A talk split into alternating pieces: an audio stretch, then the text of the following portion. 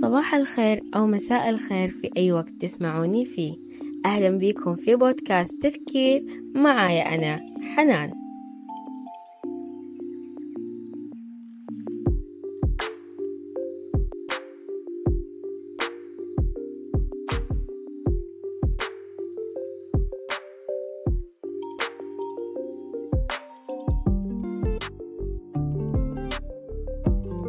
رسالة تذكير اليوم. كل صباح هو بداية فرصة جديدة ونجاح جديد. أولا خلونا نعرف إيش هو النجاح. المعروف عن النجاح إنك تسوي شيء وتصفق لك عليه وتحصل على الثناء وفي صورة نمطية جدا وكلنا نعرفها. يا إما بوظيفة معينة أو تخرج من مرحلة دراسية أو بداية حياة زوجية.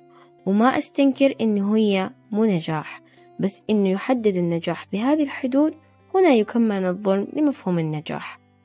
النجاح هو أو تعريفه أنه عدة مراحل من الفشل الغير مرئي والاستياء مع عدم الاستسلام.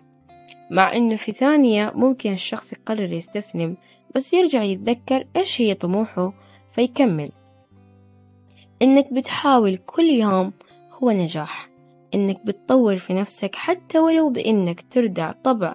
أنت عارفه إنه سيء وتحاول تكون ذا خلق فهذا يعني نجاح. في أحلك ليالي التعب والإنهاك وتكون فيك الذرة الأخيرة لعدم الاستسلام فهي نجاح.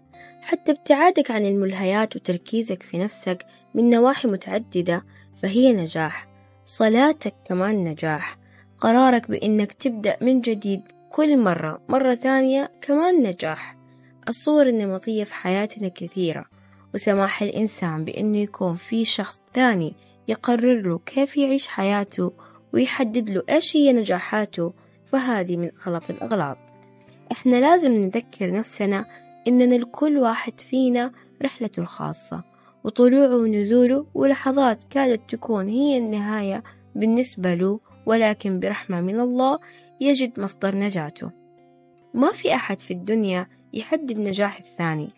واللي يخلي أصلا الشخص الثاني يقرر وما يقرر ما هو إلا شخص مو منتبه لحياته ونفسه ونجاحاته هو بحد ذاته. فمو ممكن أسمح له إنه يطلق الأحكام أو تؤثر فيني. استمتعوا بكل نجاحاتكم اللي أنتوا خطوها لحالكم واللي أنتوا من بعد الله أعلم بشعوركم وقتها وقديش هي عظيمة بالنسبة لكم. ولا تستصغروا نجاح أيا كان وإيش ما كان. وتذكروا إن كل يوم هو بداية فرصة جديدة ونجاح جديد. ممتنة لكم لوصولكم إلى هنا. وأشكركم جدا لحسن استماعكم.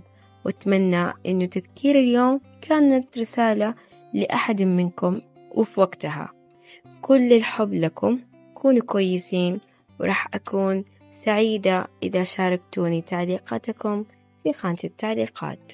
أحبكم ومع السلامة.